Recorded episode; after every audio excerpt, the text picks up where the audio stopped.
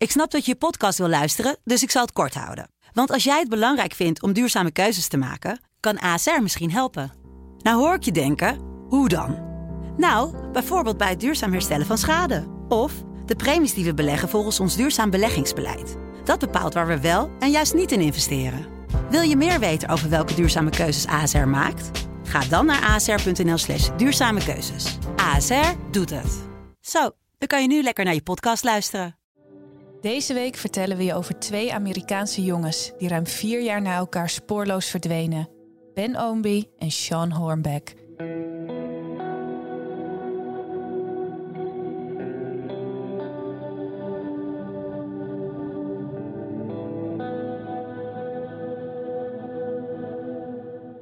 Je hoort onze podcast Ontvoerd. Mijn naam is Kevin van den Berg en tegenover mij zit als vertrouwd Maya Noordam.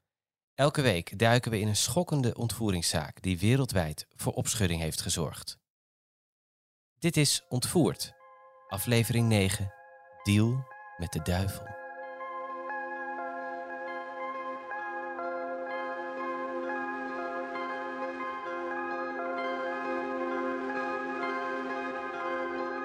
We gaan naar het jaar 2007 in Missouri, de staat in de Verenigde Staten met de bijnaam Show Me State.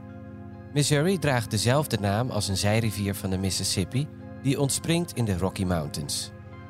Aan de start van het nieuwe jaar vond op 7 januari New Year's Revolution plaats, een professioneel worstel pay-per-view evenement. Een groots populair evenement gehouden in Kansas City.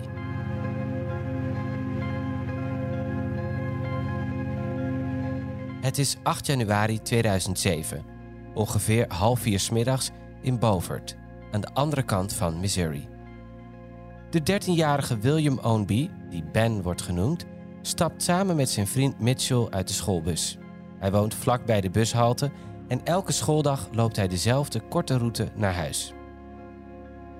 Ben begint dan ook naar huis te lopen en zegt gedag tegen Mitchell, die zijn auto vlak bij de bushalte heeft geparkeerd. Normaal gesproken is hij iedere dag rond kwart voor vier thuis. Maar vandaag gebeurt dit niet. Als het tien over vier is, begint zijn vader Don zich zorgen te maken. Ben is een brave jongen die erg gehecht is aan zijn routine. Zijn vader weet dat er iets niet klopt, nu hij al bijna een half uur later nog steeds niet thuis is.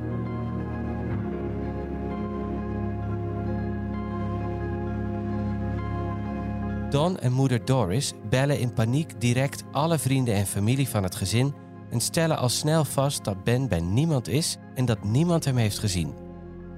Dan nemen ze contact op met de politie. Ze leggen uit dat Ben een voorbeeldige leerling is en dat het emotioneel gezien goed met hem ging. Hij had geen enkele reden om weg te lopen. Als hij thuis kwam ging hij altijd lezen of op zijn computer.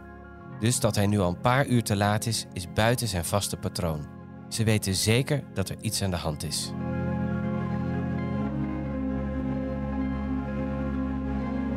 De politie neemt het verhaal van de Ownbys serieus. Er wordt een alert uitgestuurd voor een kind in gevaar. Dat is nog net een stapje onder het Amber Alert. De autoriteiten weten immers nog niet zeker dat hij echt ontvoerd is. Wel wordt de zaak heel erg serieus genomen en wordt er een grootschalig onderzoek opgetuigd. De buurt en naastgelegen bossen worden onderzocht, met de hulp van familie, vrienden en buren.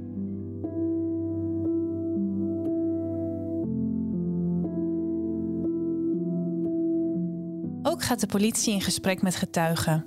En dan worden ze heel ongerust. Vooral als ze in gesprek gaan met Mitchell, de vriend die samen met Ben uit de bus was gestapt. Hij vertelt ze dat hij Ben achterliet en dat hij daarna even was langsgelopen bij het huis van vrienden. Maar dit verhaal blijkt niet waar te zijn. Daarna komt Mitchell terug op zijn eerste verklaring. Hij vertelt eerlijk dat hij Ben achterliet om zijn auto op te halen. Hij had eerder gelogen omdat hij te jong is om te rijden en geen rijbewijs heeft. Hij wilde niet in de problemen komen met de politie, dus had hij een ander verhaal verzonnen.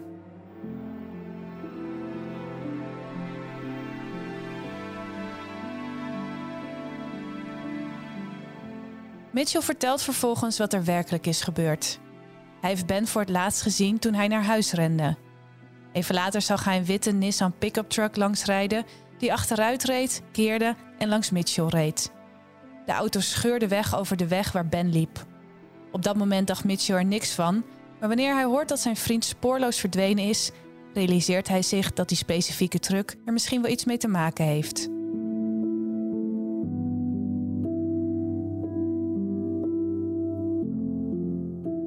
Het toeval wil dat Mitchell gek is van trucks, dus hij kan de politie heel veel informatie geven over het voertuig dat hij op hoge snelheid had zien wegrijden.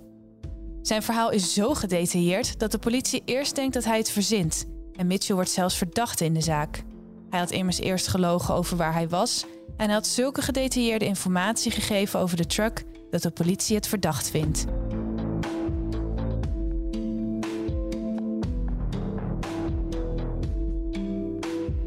Hij moet een leugendetectortest ondergaan, maar wordt al snel van de lijst geschrapt. Hij slaagt voor de test en veel mensen bevestigen dat ze de truck die dag hebben gezien in de omgeving. Mitchell heeft dus niets te maken met de verdwijning van Ben, maar heeft de politie juist van hele waardevolle informatie voorzien.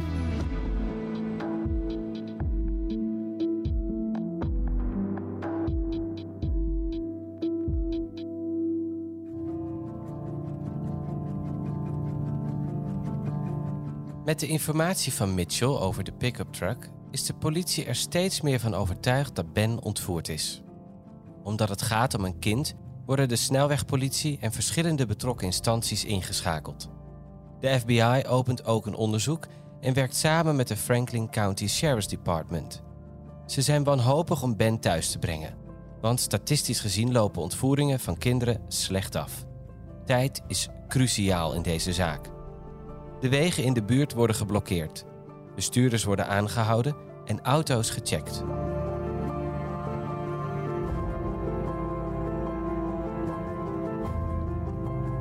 Op de tweede dag van Bens verdwijning wordt er alsnog een Amber Alert uitgestuurd.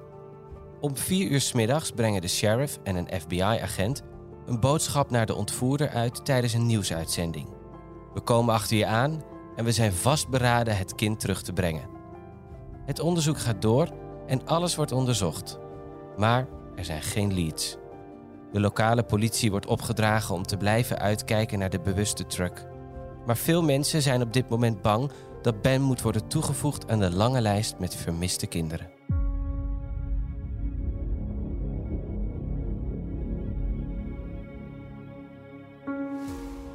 Er worden in de twee volgende dagen diverse persconferenties gegeven waarin de politie om informatie vraagt.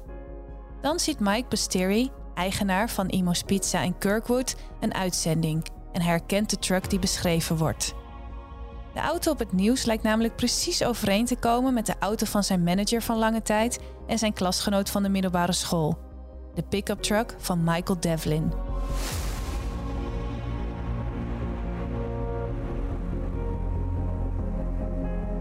Mike kent Michael Devlin al 20 jaar en hij denkt niet dat hij het type man is dat tot de ontvoering van een 13-jarig jongetje in staat is. Maar Michael is ziek naar huis gegaan op de dag dat Ben verdween. Michael had er bleek en slecht uitgezien en was daarom vroeg naar huis gegaan. Voor ieder ander was dat niet opvallend geweest, maar in het geval van Michael was dit gek. Hij is namelijk een heel geroutineerd persoon en elke afwijking van zijn standaardpatroon maakte hem onrustig.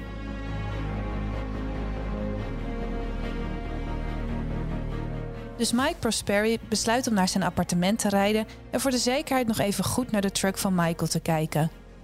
Hij komt aan bij het appartement van Michael, ziet de auto staan en concludeert dat alle details op de auto overeenkomen met de beschrijving die gedeeld is op het nieuws. Maar de schrik slaat Mike pas echt om het hart als hij de rode stof op de auto ziet. Het is die typische rode stof die je alleen maar krijgt van afgelegen weggetjes in buitengebieden. Michael had zich twee dagen ziek gemeld maar als hij ziek thuis was, hoe had hij dan dat stof op zijn auto gekregen?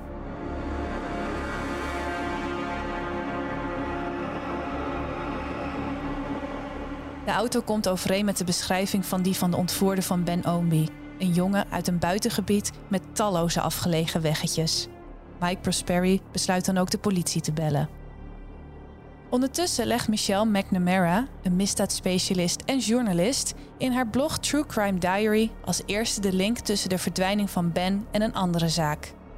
Het gaat om de zaak van Sean Hornbeck, die al vier jaar verdwenen is. Michelle ziet diverse overeenkomsten. Sean woonde in Richwoods, vlakbij Beaufort, waar Ben Ownby verdween. Ben is wel twee jaar ouder dan Sean, maar ziet er jong uit voor zijn leeftijd. En die jongens lijken heel erg op elkaar. Ze hebben ongeveer dezelfde lengte, gewicht, uitstraling, haarkleur en ga zo maar door. Maar wat was er eigenlijk met deze Sean gebeurd?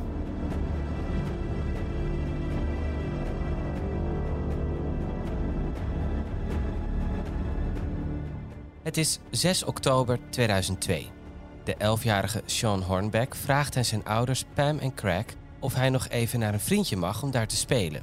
Ze stemmen in. Maar Sean moet wel om 5 uur thuis zijn voor het eten. Hij vertrekt op zijn fiets. Maar hij komt niet op tijd thuis. De zon gaat onder en het wordt heel erg donker. Het is sowieso al niets voor Sean om zich niet aan de regels te houden. Maar hij is daarnaast ook nog eens bang in het donker. Hij zou nooit in zijn eentje buiten blijven terwijl het al donker is. Zijn ouders zijn dan ook direct ongerust en schakelen de politie in. De volgende ochtend gaat de politie met hulp van ruim 100 vrijwilligers op zoek naar Sean. Ze doorzoeken mijnen en grotten en zoeken in nabijgelegen rivieren. Politiehonden ruiken op een gegeven moment zijn lucht ergens, maar daar wordt het spoor koud. Sean is spoorloos verdwenen en zelfs zijn fiets wordt niet gevonden.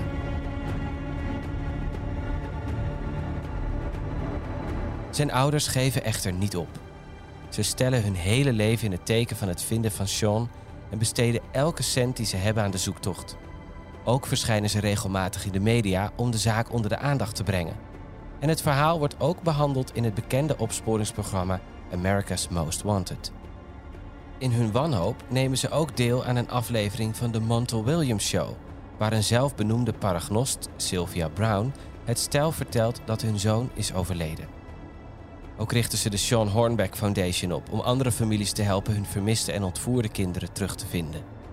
Maar na vier jaar zijn er nog steeds geen nieuwe aanwijzingen en staan Pam en Craig nog altijd met lege handen.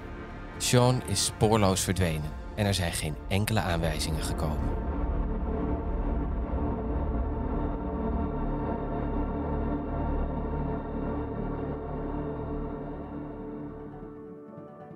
We zijn terug in 2007, drie dagen na de ontvoering van Ben Ownby.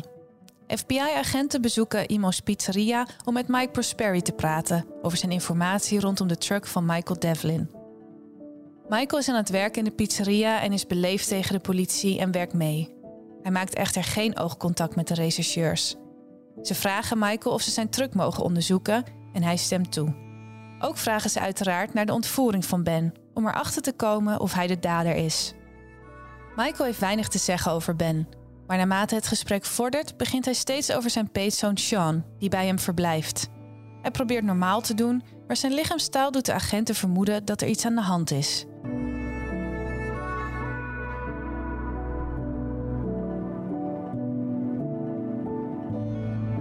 Na een uur praten met Michael realiseren de agenten zich dat zijn peetzoon Sean Sean Hornbeck moet zijn. Na flink aandringen en nadat ze vertellen dat ze zijn banden hebben gematcht aan de gevonden sporen op de plek waar Ben is ontvoerd, breekt Michael. Hij laat zijn hoofd hangen en zegt dat hij geen goed mens is.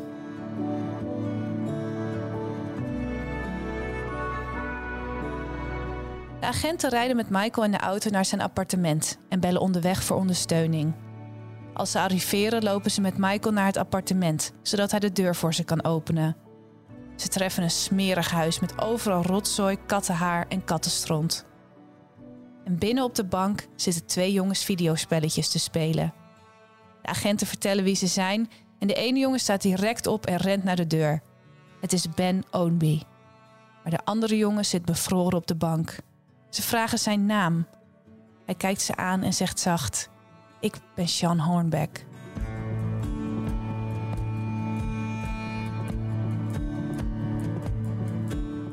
Het onvoorstelbare is gebeurd. De politie heeft na ruim vier jaar de vermiste jongen uit Missouri gevonden. De jongen waarvan ze dachten dat hij al lang dood was. Ben wordt al snel herenigd met zijn ouders Don en Doris, vier dagen na zijn verdwijning. Het eerste wat hij doet als hij thuis komt, spelen op zijn computer.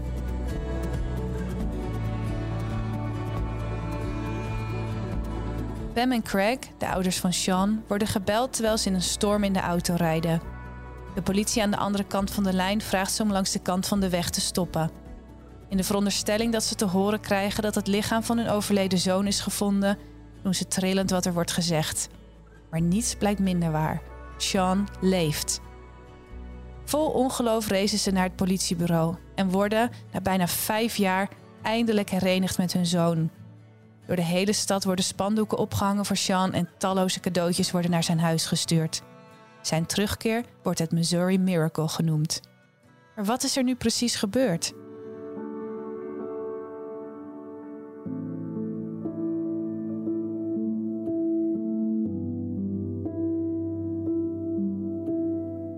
We gaan terug naar 6 oktober 2002. Sean fietst richting het huis van zijn vriend waar hij zou gaan spelen. Terwijl hij door de straten van het kleine dorpje rijdt, wordt hij aangereden door een witte truck en rijdt met fiets en al een greppel in. De bestuurder van de truck, Michael Devlin, stopt, stapt uit en lijkt bezorgd om Sean. Maar voor Sean weet wat er gebeurt, heeft Devlin zijn handen achter zijn rug vastgebonden en een stuk tape over zijn mond geplakt. Sean wordt in de truck gegooid. Hij doet zijn best om zich los te wurmen en weg te komen, maar Devlin bedreigt hem met een pistool. Hij zegt tegen Sean dat hij gewoon op de verkeerde plek op het verkeerde moment was.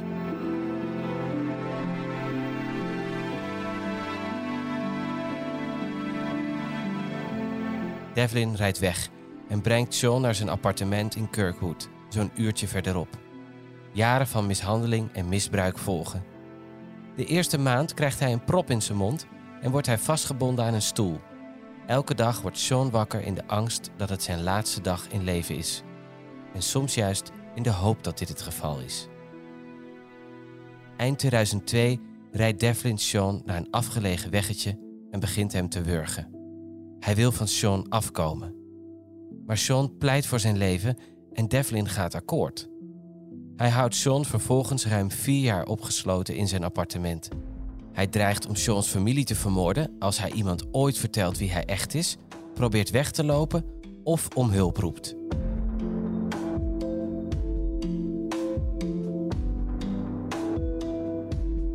Devlin vertelt zijn buren dat Sean zijn zoon is en dat Sean's moeder is doodgereden door een dronken automobilist. Hij zegt dat hij Sean thuis lesgeeft en dat hij daarom niet naar school gaat. Geen van de buren herkent de jongen als de vermiste Sean Hornbeck. Naarmate de tijd verstrijkt, krijgt Sean steeds een beetje meer vertrouwen van Devlin. Hij krijgt meer vrijheden en mag bijvoorbeeld naar buiten of vrienden maken. Hij mag zelfs de telefoon gebruiken en gebruik maken van het internet. Later wordt er bewijs gevonden dat Sean gepost heeft op de website die zijn ouders hadden opgezet voor tips over zijn verdwijning. Onder de naam Sean Devlin vroeg hij: Hoe lang zijn jullie van plan om te zoeken naar jullie zoon? Zijn ouders reageren, niet wetende dat ze in contact staan met hun zoon, dat ze nooit ophouden met naar hem te zoeken.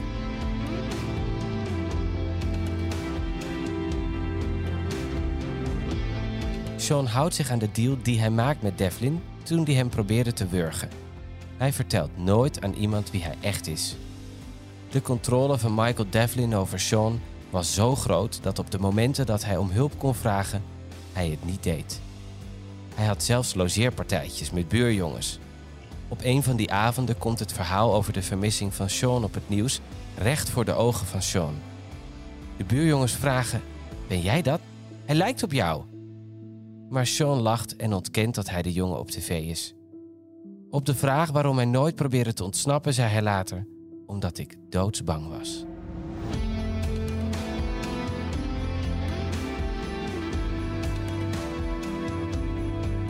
De jaren verstrijken en Sean wordt ouder. Als hij 15 jaar oud wordt, raakt Devlin op hem uitgekeken. Hij is niet alleen ouder geworden, maar Sean is inmiddels ook zo afgestomd dat hij een soort zombie is geworden. Hij doet alles wat hem wordt opgedragen, maar is verder heel erg vlak. Dat is niet meer leuk voor Devlin. En ook is hij bang dat Sean niet meer zo makkelijk te controleren is. Dus komt hij met een plan om beide problemen op te lossen. Hij wil voor zichzelf een upgrade van Sean en ervoor zorgen dat Sean nooit weggaat. Dus Devlin besluit om een andere jongen te ontvoeren en Sean te dwingen om hem hierbij te helpen. Zo is Sean medeplichtig. Of denkt hij in ieder geval dat dat zo is. Een mooie manier om Sean vervolgens te chanteren en onder controle te houden.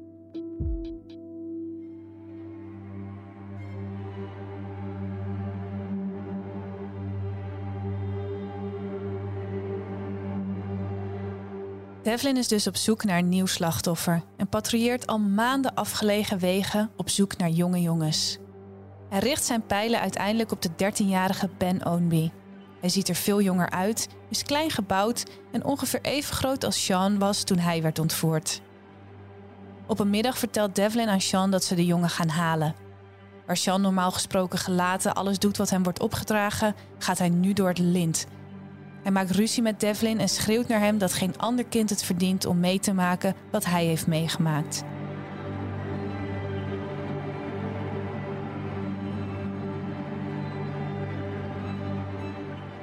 De volgende dag gaat Devlin naar zijn werk, maar hij komt onverwacht vroeg thuis.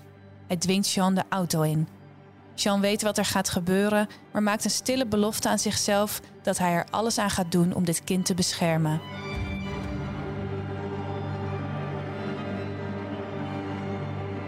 Ze rijden een uur naar Bovert, parkeren in een woonwijk en wachten bijna een uur totdat er een schoolbus arriveert.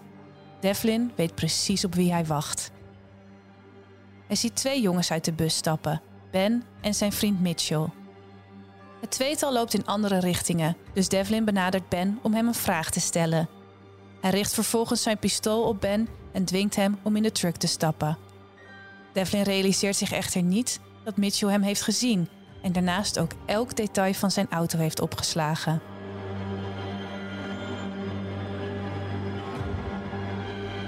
Jean troost Ben en vertelt hem dat zolang hij stil is en alles doet wat hem wordt opgedragen, hij oké zal zijn. Als ze eenmaal bij het appartement aankomen, weet Jean donders goed wat Devlin van plan is met Ben. Hij onderhandelt met Devlin. Laat hem voor nu met rust en dan doe ik alles wat je wil. Devlin gaat akkoord met zijn voorstel en misbruikt Sean, maar gaat daarnaast ook nog achter Ben aan. In de dagen die volgen doet Devlin vreselijke dingen met Ben. Maar wat weten we eigenlijk nog meer van Michael Devlin?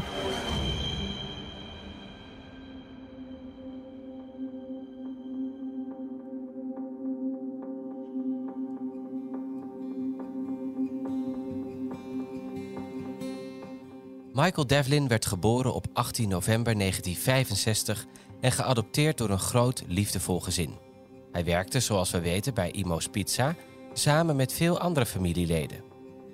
Hij had geen strafblad, geen verleden van misbruik en stond totaal niet op de radar van de politie. Hij grapte zelfs met politieagenten die bij hem in de pizzatent kwamen. Er is niks wat kan verklaren waarom Michael geworden is zoals hij is.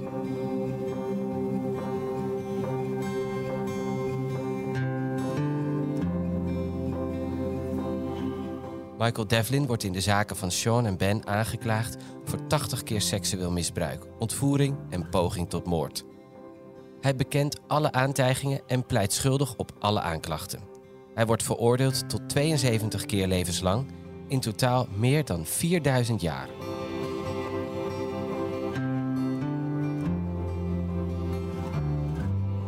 Op 9 april 2011 wordt Devlin aangevallen tijdens het ontbijt in de gevangenis in Cameron, Missouri. Hij wordt herhaaldelijk gestoken door een andere gevangene met een mes gemaakt van onderdelen van een typemachine. Hij loopt slechts oppervlakkige wonden op, waarschijnlijk omdat hij zo groot en dik is. Hij herstelt en zit nu zijn levenslange straf uit. Michelle McNamara, de journalist die waarschijnlijk als eerste de link legde tussen de zaak van Ben en de vermissing van Sean, blijft betrokken bij de zaak. Ze luistert naar talloze interviews met Devlin's familieleden. Tijdens een interview met zijn broer valt het haar op dat hij een familievakantie in Lake Michigan noemt. Ze gaat op verder onderzoek uit en ontdekt dat Devlin's vader een vakantie heeft in Zuidwest Michigan, vlakbij Lake Michigan.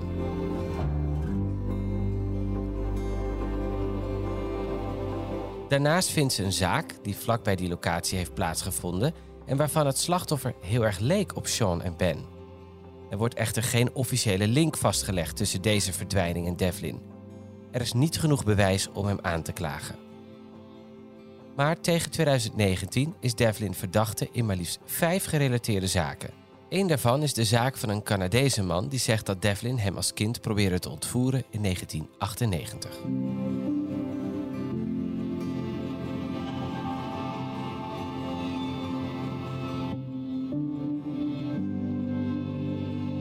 Na hun vrijlating zijn zowel Sean als Ben teruggekeerd naar een relatief normaal leven met hun gezinnen in St. Louis.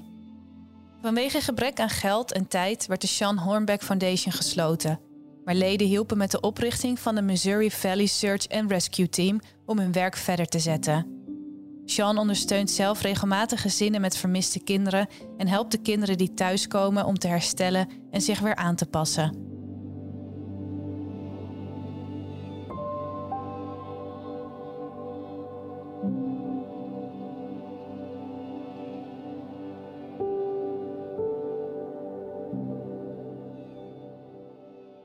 Tot zover het verbijsterende verhaal van de jongens Sean en Ben. Wil je een beeld krijgen bij Sean, Ben en hun ontvoerder Michael Devlin? Kijk dan op onze Instagram-pagina podcast. Komende week duiken we in de zaak van Ariel Castro, die maar liefst drie vrouwen ontvoerde en ze jarenlang opgesloten hield onder vreselijke omstandigheden. Tot dan.